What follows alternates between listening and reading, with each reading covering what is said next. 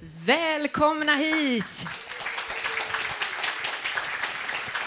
Kära publik, detta är den absoluta startpunkten för Lund Comedy Festival. Det här är det första som händer. Jag tycker ni ska ge er själva en varm applåd att ni är här. Härligt. Cecilia Nebel heter jag. Det vi hörde här och eh, där man nästan inte kan låta bli att sjunga med, det är ju låten Always look on the bright side of life. Och den här var ju från Monty Python-filmen Life of Brian från 1979. Där hängde Jesus på korset och sjöng att vi ska se livet från den ljusa sidan. Eh, filmen lockade till mycket skratt, men också till protester och krav på censur. Varför är det ofta så känsligt att skoja om religion? Det är det vi ska diskutera här idag i livepodden Humorkunskap som spelas in i Piratensalen här på Grand Hotel i Lund under Lund Comedy Festival. Och hela den här serien, här låter vi komiker och forskare nyfiket dissekera olika ämnen och vi har valt att kalla det här för populärvetenskapliga samtal med humortwist. Och I fjol när vi gjorde det här så gästades vi av Fredrik Lindström, vi hade Lena Frisk, Henrik Widegren, Kalle Lind och ett helt gäng fantastiska, kloka och smarta forskare. Och de här samtalen kan man höra nu i efterhand om man inte var och lyssnade då. De finns nämligen om man går in på sajten humorkunskap.se. Nu blir det tre nya avsnitt. Vi börjar idag med humor och religion. I morgon ska vi prata om humor och konsumtion som egentligen är vår nya religion, att shoppa. Och på lördag så blir det fokus på humor och stress. Och idag imorgon är vi här och på lördag så flyttar vi till Café Aten.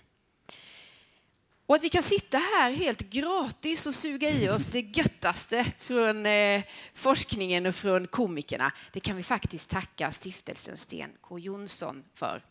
Det är de som har eh, hjälpt oss i detta och sett till att vi kan göra det här två år i rad dessutom. Men sen är det så här, samtalet är liksom bara halva jobbet när man gör en podd. Det är någon som måste ta hand om det också, klippa ihop det och få det att bli snitsigt och bra och bra flyt och sådär. Och då har jag lite hjälp av eh, den cyklande polisen som just idag inte är polis utan idag är poddmakare, nämligen Magnus Björn Bensen. Hej, hej, hej, hej. Hej Magnus! Hej! Det är så roligt att ha dig med. Tack så mycket. Du har så många olika hattar, det är roligt. Ja, det är rätt. Ibland har man båtmössa och ibland har man... Ja, Polishatten? Man? Ja, papphatt ibland. Ja, ja. så kan det vara. Du, vi ska ju prata här om humor och religion. Har ja. du någon fundering kring det där? Är det någonting du är nyfiken på? Det har jag faktiskt. Ja. Eh, jag har en eh, god vän som är präst och hon sa till mig en gång, du Magnus, en eh, religion utan humor, det är en farlig religion. Så det undrar jag lite över, om du kanske kan pilla lite i det. Ja, ja, ja, men det tror jag nog kommer att komma upp med våra gäster här. Ja, jag, tar, jag tar det med mig. Gott. Tack. Tack så länge. Jag tycker vi kör igång helt enkelt.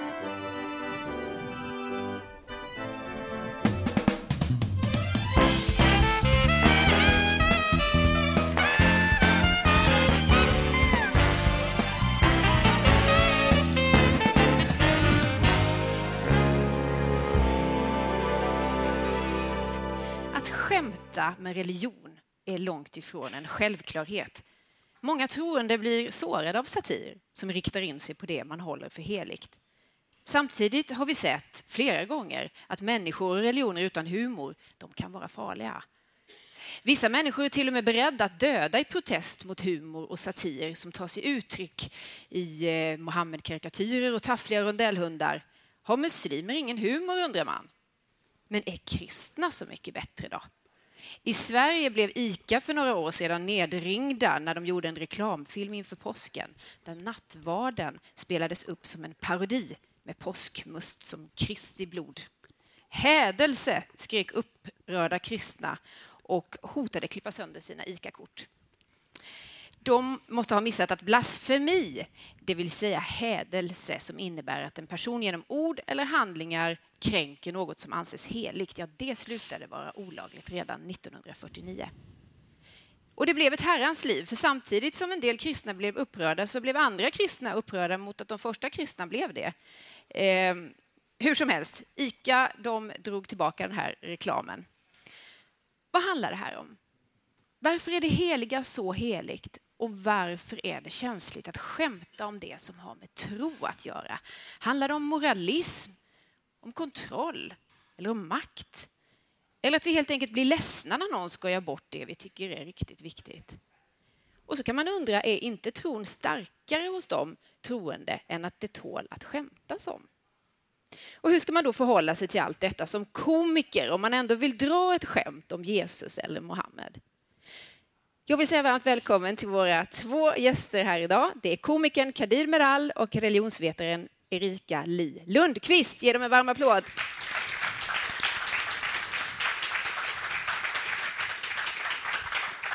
Hej, hej! Varmt välkommen Tack hit. Välkommen. Tackar. Hur känns det att vara först ut på festivalen? Kadir? Eh, ärat, kul. Jag ska faktiskt avsluta också festivalen med egen show. Reklam. Ah, vad ska du göra på festivalen? Eh, jag ska vara här nu, eh, prata om humor och religion. Sen ska jag eh, gå runt och se på massa shower och vara presentatör och äta mat och dricka kaffe och sen ska jag avsluta med egen show. Och skratta ska vi göra också. Ja, ja det är hela, hela poängen. det är det hela helgen går ut på. Eh, Erika mm. Lundqvist, om jag får börja med dig. Du är islamolog och du har tillhört Lunds universitet, men nu är du anställd i Malmö. Mm. Eh, och du forskar framförallt kring hbtq-frågor, sexualitet och islam. Ja, det stämmer det. Kan du bara lite kort, innan vi kommer in på religionens område, vad är det du har tittat på här? Ja, jag har, ehm, i min avhandling då så åkte jag till eh, Libanon som av... Så ja. Får du lite hjälp med micken här? Tack. Ja. Mm. Så var jag i Libanon och eh, träffade eh, homosexuella muslimer och intervjuade dem och följde dem under flera år eh, och kollade på eh, hur de eh, klarade av den konflikt som ibland uppstod mellan deras mellan två identiteter, då, alltså deras religiösa identitet och deras eh, sexuella identitet. Och det är oftast eh, de två identiteterna som eh, påstås skapa mest konflikt. Mm, som bråkar med varandra? Ja, mm. precis. För sex och religion och makt mm. kan man säga är tre centrala återkommande teman också inom humor och satir.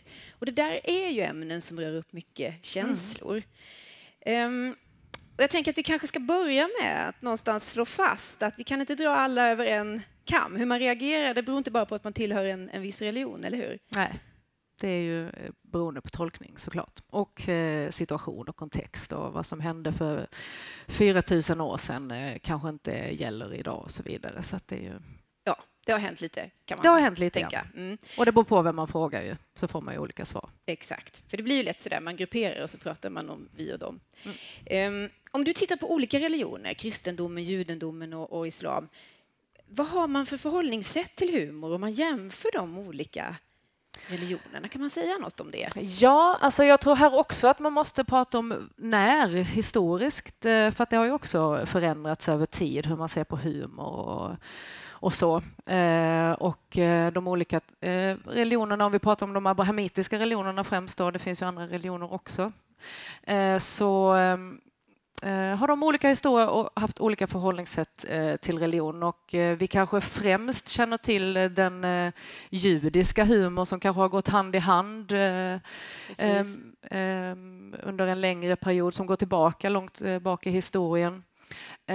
kristendomen, ja, det finns ju många olika typer av kristendom eh, där eh, så som vi känner till kristendomen i Sverige har kanske en mer tolerant eh, inställning till humor. Vi har ju bra exempel på vår eh, före detta ärkebiskop, till exempel KG Hammar som eh, hade väldigt nära till skämt och pratade liksom, eh, väldigt humoristiskt om, om, sin egen tro och om, om religionen och närmade sig religion på ett på ett humoristiskt sätt. Ja. Så återigen, om jag ska vara en torr forskare och så, så beror det på vem man frågar och var någonstans vi tittar geografiskt och historiskt. Och ja. så. Men finns humorn som ett element i de olika stora religionerna?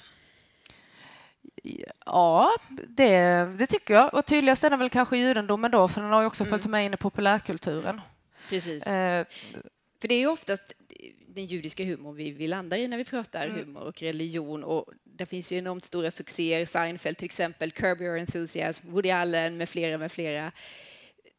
Hur ska man förklara detta? Handlar det där om att möta förtryck eller lidande? Eller varför har humorn blivit så stark just där? Ja, eh, jag tror att det kan vara så att den, eh, humorn eh, inom judendomen som sagt går tillbaka långt i historien och har använts som en eh, ehm, avväpnande eh, medel ehm, för att skydda sig mot, mot det här förtrycket. Men så att eh, judarna har en annan historia av att ha levt i eh, diasporan eh, under en längre tid och som minoritet och då har man också utvecklat en annan typ av av eh, intern humor kanske för att också skydda sig mot eh, eh, mot majoritetssamhället och eh, den judiska humorn så som vi ser den till exempel hos Woody Allen och Seinfeld och så ligger på en ganska hög eh, niv alltså intellektuell nivå. Det är inte kanske alla som heller kan känna igen sig i den humorn och, och till och med kanske förstå. Inte så lätt att avkoda helt Nej, enkelt. det är inte så lätt att avkoda den alltid. Nej. Men om man då går till själva urkunderna, liksom Koranen och Bibeln, finns det någon, någon humor där? Jag tänker inifrån religionerna själva. Eh, ja, om vi pratar om islam då, som är mitt expertområde, så ehm, skulle jag vara väldigt försiktig med att säga att det finns humor i, i Koranen. Jag vet att ayatollah eh, Khomeini i, i Iran sa att islam är inget skämt här ska människor eh, lida och vi ska genom, eh, genomgå eh, livet liksom, eh, eh, utan alltså att vi ska eh, vara... Ska inte skoja bort Nej, nej precis. Vi ska nej. plåga oss igenom det här livet. Så du menar, där hittar vi inga sådana referenser eller någon Nej. hjälp? Ehm, det står till och med i, i, i Koranen och andra haditer då till exempel att Mohammed, man såg honom sällan skratta. Han, han ler oftast men han tar aldrig ut svängarna och gapflabbar och så ah. åt någonting. Liksom, eh, utan han eh, ler lite modest. Så ett försiktigt litet leende ja. då, helt enkelt. Mm. Eh, man kan ju tycka, man går till kristendomen till exempel, att det är stor humor när Jesus skulle rida in i Jerusalem som en kung, men kom ridande på en åsnerygg. Jag vet inte om det där är ett practical joke eller om, eller om det var något helt annat som man skulle berätta där. Eh, ett annat exempel är faktiskt Isak som beskrivs i Gamla testamentet som den skrattande. Mm. Något som känns igen? Ja, ja där har vi en liten annan berättelse, inte så modest. Ja. Finns det något att säga om det? Ja, man kan ju... Eh, man jag tror att problemet här kanske, eller vad man borde diskutera här, är vad för slags humor vi pratar om. Ja. Alltså det som vi ser har skapat problematik idag, om vi pratar om Mohammed-karikatyrer och så, är ju eh, satiren. Mm. Eh, alltså när man kränker eh, någonting som är, är heligt, men att skratta och ha roligt och, och skämta. Det är inget som eh, Nej, det är ju liksom tillåtet i ja. alla religioner. Och satiren kommer vi till alldeles snart. Ja. Eh, det finns ett annat vittnesmål som jag tycker är lite roligt att, att nämna här. Jag vet ju inte om det stämmer, men att när ängeln Gabriel sa till den 90-åriga Sara att hon skulle bli mor och föda ett barn, då skrattade hon. Och det kan man ju kanske någonstans förstå, tänker jag.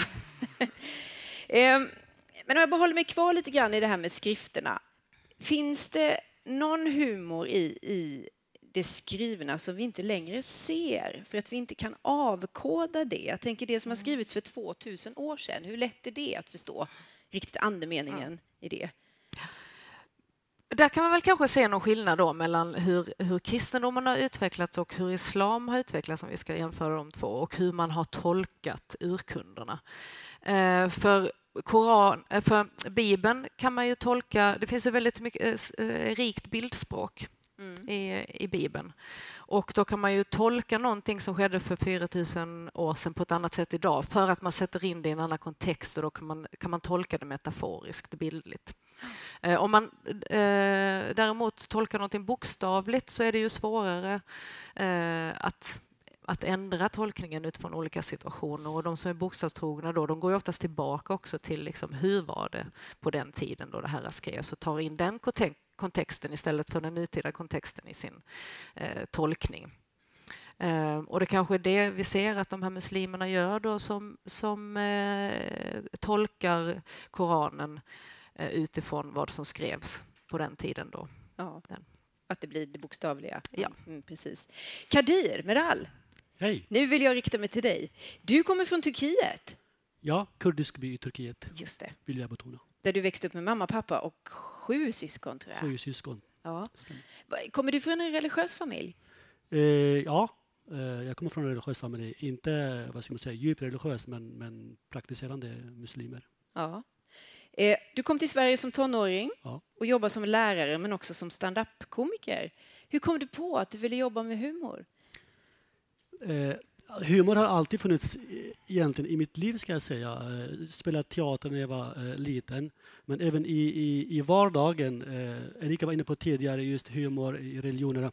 Eh, I min kurdiska kultur, eh, humor finns i vardagen. Om man skulle eh, lyssna på mamma och pappa när de pratar med varandra och skulle rakt översätta till svenska, man skulle tro att de är, hatar varandra. Men det finns så mycket ironi och undertoner eh, i, i, som inte går att översätta till, till rakt av till svenska. Så jag är uppvuxen med humor. Humor finns, jag skulle säga, utan att överdriva, i min ryggmärg. Men så hur jag kom på själva stand-upen, från teater till stand-up. Jag upptäckte det här att liksom en dirigent, när man styr sin, eh, sin orkester så kunde jag styra publiken med mina skämt. Alltså, nu, om tre sekunder, kommer ni gapskratta. Och de gör det. Det är en ganska Det- härlig Ja, känsla. ja, men det är liksom lite maktutövande fast, fast positiv, skön Ja. maktutövande vill jag säga. Jag tänker att om de inte skrattar, då blir det väldigt jobbigt. Ja, men då ska man inte hålla på med stand-up. Nej, just det. Det är den enkla slutsatsen där, ja. Kan du berätta lite? Vad handlar dina shower om? Eh, mitt, mitt, eh, min humor, min, min, eh, min stand-up, man brukar säga att man ska gräva där man är. Och, och det är lite så i mitt fall, eller i många komikers fall. Att, eh, jag beskriver samhället från, från mitt perspektiv, från min blick. Eh, jag kommer från en kultur med andra normer, annan religion. Och så har jag kommit till Sverige och anammat mig och vad ska man säga, väl insatt i den här svenska kulturen. Och jag lyckas eh, belysa de, de här kulturmötena, jag ska inte säga kulturkrockarna, kulturmötena på ett humoristiskt sätt. Och eh, jag måste erkänna att folk blir imponerade när de säger att wow, han kan mer om vårt samhälle än oss själva. Ja, det säger också något om mottagaren, att man kanske har vissa fördomar, eller? Jo, men det tror jag. Jag går upp och lite med du vet, min brytning med utseende och så. Det är klart, alltså fördomar det är någon slags egentligen överlevnadsstrategi, alltså de första sekunderna, de första minuterna, som när du möter en person. Och när de möter mig, ser mig, så krockar deras vad ska man säga, förväntningar med, med det de ser. Just Det gillar jag. Ja. Jag tänker humorn och, och de sakerna du väljer att lyfta, mötet mellan olika kulturer och så. Idag har vi ju en väldigt eh, polariserad och ganska hård diskussion och debatt. Kan humorn hjälpa till där att på något sätt överbrygga de där svåra ämnena? Jo, men det, det tror jag. Inte bara humor, egentligen all slags konstutövning, om det är dikt eller poesi eller, eller filmer. Eller, det är att se saker från en annan alltså ta, det- tagga ner sig lite grann. Att livet, om vi lever 60, 70 eller 80 år, vi vet inte vad som kommer efter döden. Ha lite kul! Ha lite roligt under den här resan. Slappna av lite. Slappna av lite grann. Ja, det är bra. Händer det att du också skämtar om religion? Ja, det, det gör jag. Eh, inte inrikta mig på religion, men, men som sagt, religionen finns i våra liv. Oavsett om vi är sekulariserade eller, eller, eller icke som nationer, som samhälle. Så humor har präglat våra liv, våra normer, våra, vår vardag. Eh, Religionen jag, menar du? religionen, förlåt. Ja, religionen. Ja. Eh, jag brukar skoja om, eh, jag kan ge två episoder. Jag brukar skoja, ta det här till exempel. Fastan, Mohammed som de skrev att man ska inte äta från soluppgång till solnedgång. Och det ifrågasätter om verkligen deras Gud Allah var allmäktig och allkunnig. Då borde han tänkt på folk som bor i Kiruna på somrarna. Där går inte solen ner direkt. Liksom. Det, Nej, det blir inte mycket mat där. Nej, eh, eh, nej, det blir inte mycket mat på 30, 30 dagar. Eh, Och, och en annan episod som jag tycker är så kul och det är inte så att man ska håna men ändå lyfta upp lite, lite komiken i vår vardag och humor. Eh, jag hade en släkting, Ibrahim hette han, han var olycklig gift i 30 år, han fick inte skilja sig.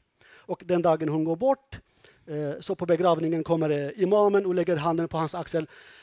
Men Ibrahim, du vet att nästa liv vi kommer förenas med våra respektive. och då säger han eh, halvhögt på, eh, på, på begravningen, jaha, din Gud har inte bara för, förpestat mitt liv i det här livet, ska han förpesta även nästa liv. Och så skrattar hela begravningståget. Det är humor. Det är humor. Men det där är fantastiskt. Men vad får du för reaktioner på, på den typen av skämt då?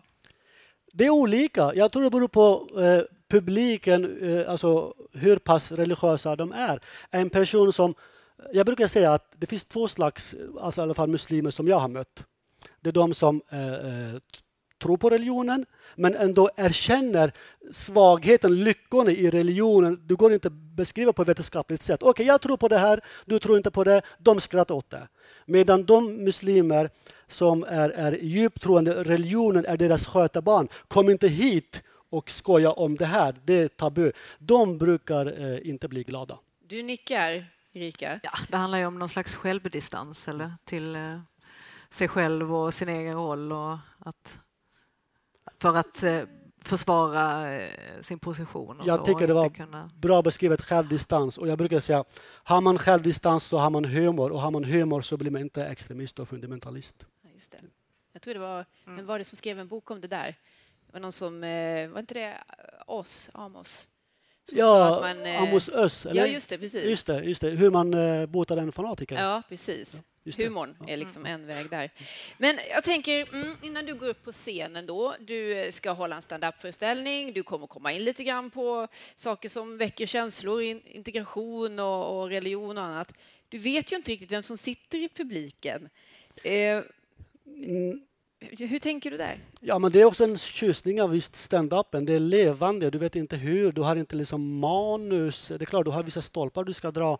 Eh, men jag är trygg i mig. Jag tycker att av varje konstutövare, oavsett vad du håller på med, du ska på något sätt veta vad du gör. Och när du ska eh, göra ett uttalande, en show, du måste på något sätt veta veta vad det här innehåller och vilka bitar kan provocera och, och kan uh, utmana. Vad menar du där? För jag menar humorn är ju också till lite grann för att provocera och utmana. Ja, men då ska du veta att du gör det och vara medveten om det. För då kan du bemöta det också. Då har du reflekterat kring det. Jag gör det här till den här graden och jag vet de de, de grupperna eh, kan ta eh, illa vid sig och du måste ha någon slags beredskap med din konst. Ja, och när du säger att jag måste veta varför jag gör det, är det för att du vill att folk ska skratta eller för att du vill komma med en poäng? Eller? Både och. Mm. Både och. Eh, eh, humor har i mitt fall har två syften. Den ena man ska skratta. Det finns humor, ni har säkert upplevt, ni går på showen, ni går därifrån, ni kommer ihåg ingenting men ni har skrattat nonstop en och en halv timme.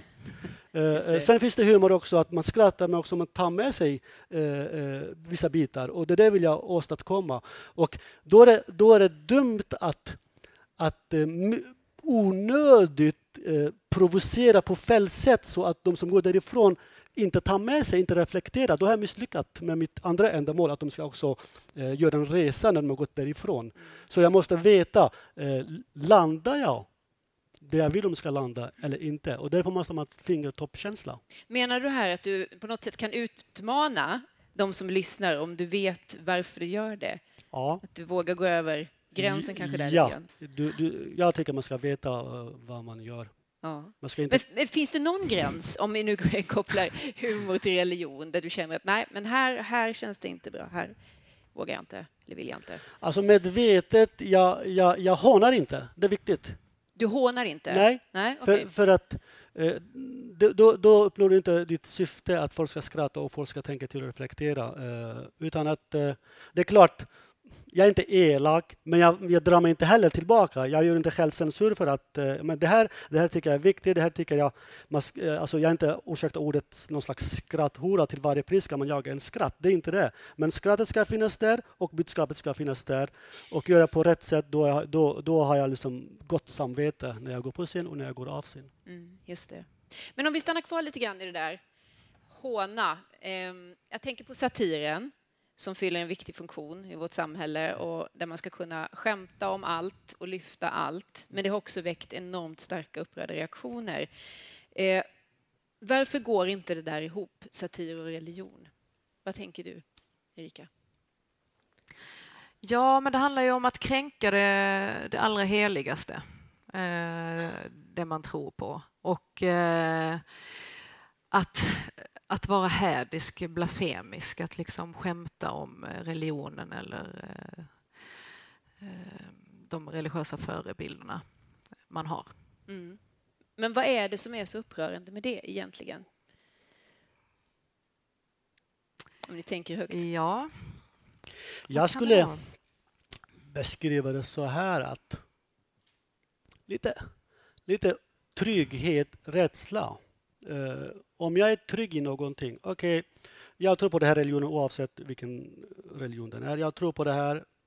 Eh, men sen är jag medveten om också att, att jag kan inte förklara religionen för det på ett logiskt sätt. Det, det, det är tro mellan mig och, och min övre makt. Också. Eh, och om jag är trygg i det, då, då tror jag jag har en viss distans till vi var inne på tidigare. Men om jag tar religionen på bokstavligt, det här är, mitt, det här, det här är allt jag har. Mitt liv har blivit så, så, så trängt i, en, bara, eh, i religionen. Då, då ser man inte helheten med våra liv. Då är det lite ett, ett, eh, vad ska man säga, eh, skämt om, om religionen. Det är skämt om det innersta, det gör ont. Mm. För du har religionen i din själ. Mm. Religion är inte bara något du tror på och sen lever du ditt vanliga liv och så får vi se vad som händer. Ja, att det går så inuti så ja. att man har svårt att, att ta det helt det, enkelt. Det är ont. Det är ja. ont. Eh, jag tänkte vi skulle börja reda ut det här med eh, att inom islam då så får man ju inte avbilda profeten Muhammed. Och det har ju ställt till det. Även i humorsammanhang kan man säga. Vad, mm. vad beror det här på? Eller var, varför får man inte avbilda? Ja, då eh, skulle jag vilja börja med att säga att det får man visst det. Okej, ni det ser finns redan där. inget eh, bildförbud eh, inom islam, så det är den första fördomen som vi kan... Ja. Eh, och det är väl kanske en av anledningarna till att det har skapats så mycket debatt just kring eh, Mohammed-karikatyrerna. Eh, det finns eh, diskussioner om att man inte bör eh, avbilda. Det finns det också inom judendomen. Att man ska inte sätta någon avbild. Förlåt att jag bryter Erika, men hur vet man hur han ser ut om någon har aldrig avbildat honom? Nej, men det finns avbilder av Mohammed. Det, har... det, brukar jag alltid visa upp för mina studenter när de också kommer med det här ja. påståendet om att ja. man inte får lov att avbilda Mohammed. Då tar jag fram den här. Så ser han, han är ung. Eh, det är eh, en avbild av honom innan han fick sitt uppdrag som profet, vilket kan förklara att då hade han inte fått den här gudomliga... Nej, han är väldigt ung och har rosiga kinder. Det ser nästan ut som att han har lite läppstift, nästan lite homoerotisk oh. bild av, av Mohammed. Och när jag visar upp den här så eh, blev det helt tyst och eh, jag brukar av respekt säga till eh, de som är troende då att om ni inte vill se så får ni gå ut så, okay. så visar jag upp för det kan ju vara känsligt. Men, eh, så det finns, men det finns ju diskussioner just om att man inte ska avbilda på grund av att det kan bli avgudadyrkan om man har en bild så kan man dyrka den istället för så... Jag tycker det är intressant det här eh, att du liksom just att till ja, respekt inom situationstecken för de studenter som inte vill se. Ni får gärna gå ut om ni inte vill se det här. Och det är lite så jag menar egentligen med min humor också att eh, du visar eh, i din föreläsning, på dina lektioner att eh, du gör en viss påverkan, det tror jag. Men man, eh, man, du gör ändå till en viss gräns så att inte den påverkan du vill göra den utvecklingen hos dina lyssnare inte ska saboteras av en liten incident. Och Men för dig blir det där omöjligt. Då skulle du få göra en innehållsdeklaration innan du drar dina skämt. det blir ganska eh, svårt. Eh, nej, men, jo, men så är det. Eh, jag, jag, jag ska säga inte att jag censurerar, censurerar mig, men jag måste ha fingertoppskänsla. Det är jätteviktigt eh, när du ska gå och skoja om saker. Mm. Men när du då blir så här upprörd som du blev kring eh, Mohammed-karikatyrerna, mm. eh, där det till och med var människor som dödades och så. Hur, har du följt det skeendet? Och kan, kan man förklara någonting ur religionens namn varför det blev så? Ja, det är omöjligt att inte följa det som islamolog. Men eh, visst, det har, har ju såklart att göra med, med många andra politiska spänningar. Eh, och eh, sen pratar vi om, om, en liten grupp människor som tolkar islam på ett våldsbejakande sätt mm. i just det här sammanhanget. Och så. så att att förklara varför de eh, valde att ta till våld då, till exempel eh, har att göra med en lång historia eh, som har att göra med mötet med moderniteten och hur man förhåller sig till, till eh, globalisering och, och, och, så och hur liksom islam som religion då, eller muslimer som tolkar islam då, liksom, och deras förhållningssätt till, till ja. allt det här. Och humor och, blir inget sätt att liksom undanta det här ifrån den vreden utan nej, allting åker nej. med samma där. Ja, ja men precis. Kadir? Eh, nej, man får bygga på det Erika säger precis. Eh, humor är mycket också kulturbunden. Om vi skojar någonting här i, säger vi västvärlden, i, i Sverige eller Europa Eh, det är inte säkert att, att eh, vad ska jag säga, muslimerna i Mellanöstern eller andra delar av världen eh, förstår på det sättet som vi vill att de ska förstå. Nej. Vi får inte glömma också, just om vi kommer tillbaka till eh, Mohammed-karikatyrerna, Lars Vilks konstverk, Eh, det var alltså i kontexten, tidsandan. Det var en tid där eh, hade, först var Afghanistankriget, sen Irakkriget två gånger och det är en polariserad tid. Det finns krafter tyvärr på båda sidor som vill skapa motsättningarna och i en sån situation när det tillkom, det skapades känslor i en, jag skulle också vilja säga en liten grupp, men i tv-rutan, du ser, du ser bara människor, du ser inte de tomma gatorna bakom dem, du ser bara en klick människor som bränner flaggor och skriker och gapar. Mm.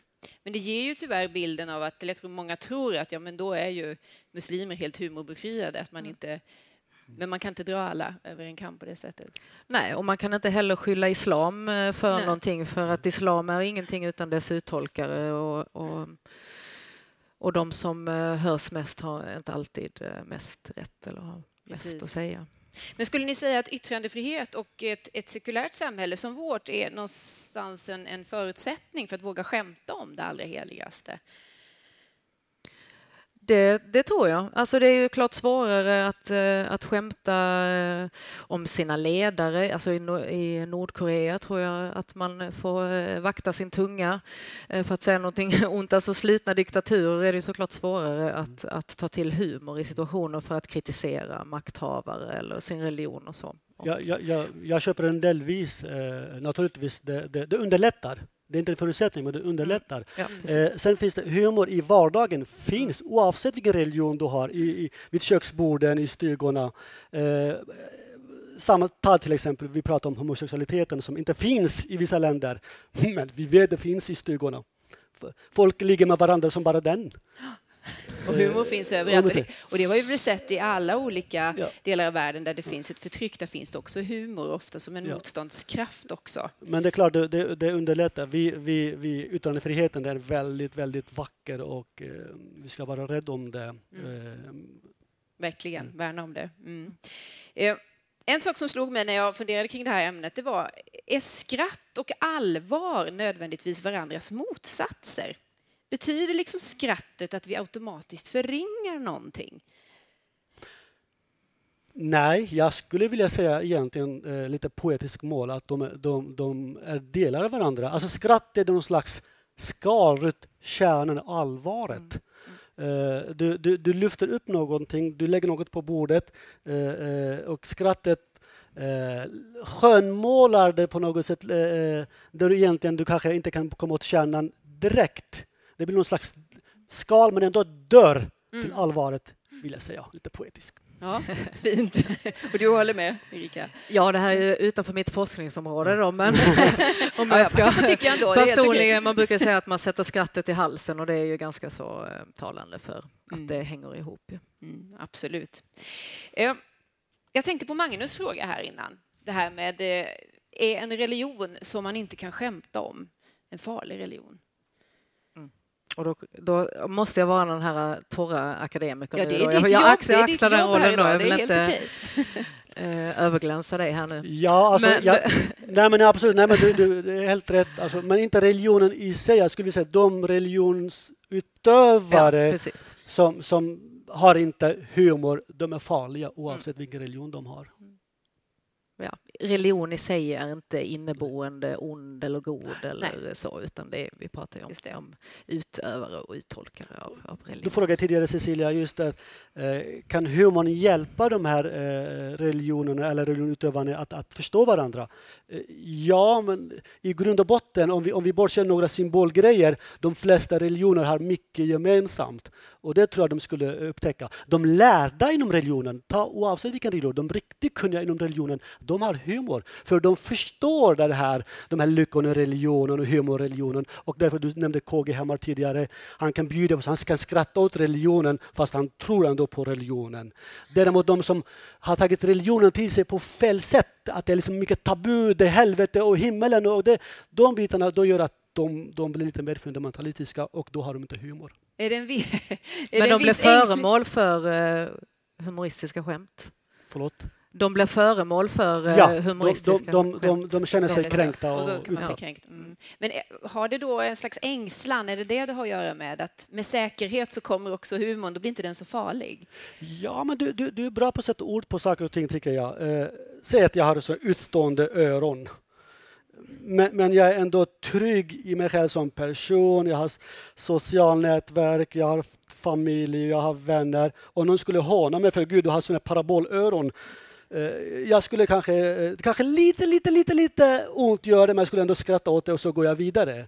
Men om jag har, där mina öron, det enda jag uppskattar i mitt liv, och så kommer du säga till mina att jag har parabolöron, då skulle jag bli förbannad på Ja, då är det betydligt jobbigare ja. det ifrågasätter hela ens... Jaha, blev faktiskt mobbad när jag var liten för utstående öron. Nu sitter jag här, den här mikrofonen gör ju att man måste ta bak håret här på ah. öronen. Så att, eh, men jag är trygg i eh, min... Jag tycker ni sitter så nära håll, jättefina öron. Ja. ja. Tack. Så är du en sån cool religionsvetare och ja, koll på läget. Då klarar man av det där. Men du är inne på något spännande här, för jag tänker det handlar ju också lite grann kanske då om vem som är avsändaren. För jag tänker att om du ställer dig på en scen och skojar till det om, om Jesus till exempel, skulle det funka? Det gör det också. Eh, det får ni höra på lördag om ni kommer. Nej, men jag gör det. Eh, det mottas inte lika mycket. På, alltså, det, det är lite mer, lite mer eh, spröda skratt. Jaha, vad sa du, spröda eller sprida? Sprid, alltså, ja. ja förlåt, sprida skratt. Ja. Nej, men det, jag tror att folk som inte känner mig ser mig första gången på scenen, då, du har en bild av mig, så kommer jag och driver med Jesus och kristendomen. Det är inte alla som köper det. De, de kommer inte fram efteråt och hotar mig, men jag, de skrattar inte. Nähä. Det, mm, det, det, är, det är deras vapen. Inte min Jesus. Nej. nej. Men om jag skulle ställa mig, nu är inte jag komiker, men vi kan låtsas att jag är komiker, mm. eh, och skulle då skoja lite grann om, om profeten Muhammed, skulle det funka? Eh, återigen, om vi sammanfattar det vi har sagt, det beror på, eh, förstår de det du säger? Alltså skämtet, skämtet är mycket kulturellt bunden också, och vilken grupp den är. Eh, jag har lättare. Jag har lättare naturligtvis mm. än, än uh, att skoja om, om min kultur, min tradition, min religion än vad en utomstående gör det. Så. För där kan man tänja lite grann på, mm. på gränserna.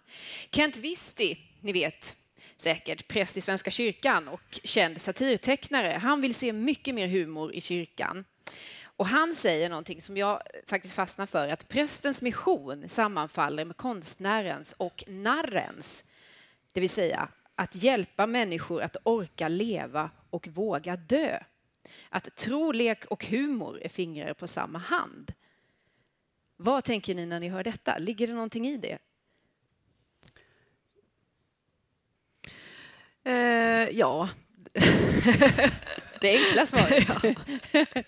Men tycker ni det var klokt sammanfattat? Just det här att, att, att humorn behövs också för att hjälpa människor att orka leva och våga dö. Ja, alltså livet är ju hårt nog som det är och dag, så som det är i dagens samhälle idag. Vi behöver ju lite lättsamhet i tillvaron och eh, om religionen, mm. tron kan vara den lättsamma eh, aspekten ja. av livet så är det väl jättebra istället för att den ska vara betyngande och Eh, restriktiv och begränsande så om religion istället kan vara befriande och oh, sprida ett kärleksbudskap. Och ja. Nu känner jag mig nästan som predikar här, men ja, ja, men jag, så är det ju. Ja, han, han, är klok, man kan inte visst det. Han brukar skriva många sådana här one-liners eh, i, i DN. Så, eh, nej men så är det. Alltså, religion är en trygghet för många, många av oss, även om vi inte liksom praktisk religionutövare.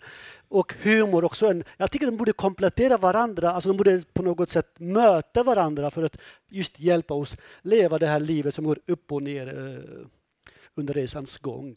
Eh, det skulle, vi skulle må bra av att förena dem. Att det kom lite närmare varandra. Inledningsvis så hörde vi här en snutt ur Monty Python-gängets film Life of Brian. Eh, och den här filmen, den totalförbjöds i Norge och en skribent i New York Post ville att filmmakarna skulle åtalas för hädelse.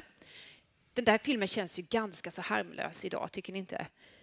Eh, men faktiskt är det så att bara för tiotal år sedan så svarade SVT att de skulle aldrig kunna sända Life of Brian på påskhelgen.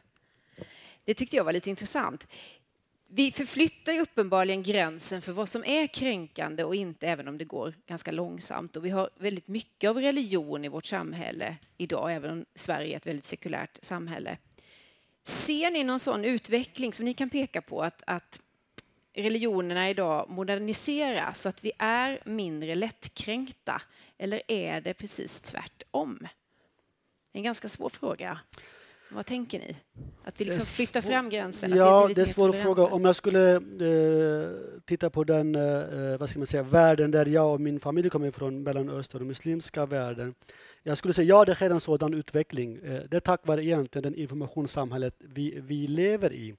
Eh, om vi kollar på vad som hänt de senaste 20 åren med, med internet och alla sociala medier. Först en chock när du upptäcker oj, här finns en värld på längre bort som eh, har de och de och de åsikterna om oss och så vidare. Där man har läst från kanske läroböcker och så vidare om imperialismen och, och västvärldens eh, och, och eh, eh, ja, inte hat men liksom förtryck mot, mot kolonialmakter och så vidare. Och så via filmer och musik och konst så börjar man inse att ja, men vi har faktiskt mycket, mycket gemensamt, eh, människor oavsett var vi bor. Så det tror jag underlättat det här eh, informationssamhället. Mm. Att, att äh, möta varandra och också upptäcka att äh, alla människor oavsett var vi bor har faktiskt humor, har känslor. Man kan bli arg, man kan bli ledsen, man kan skratta. Det, det, är jag glad för.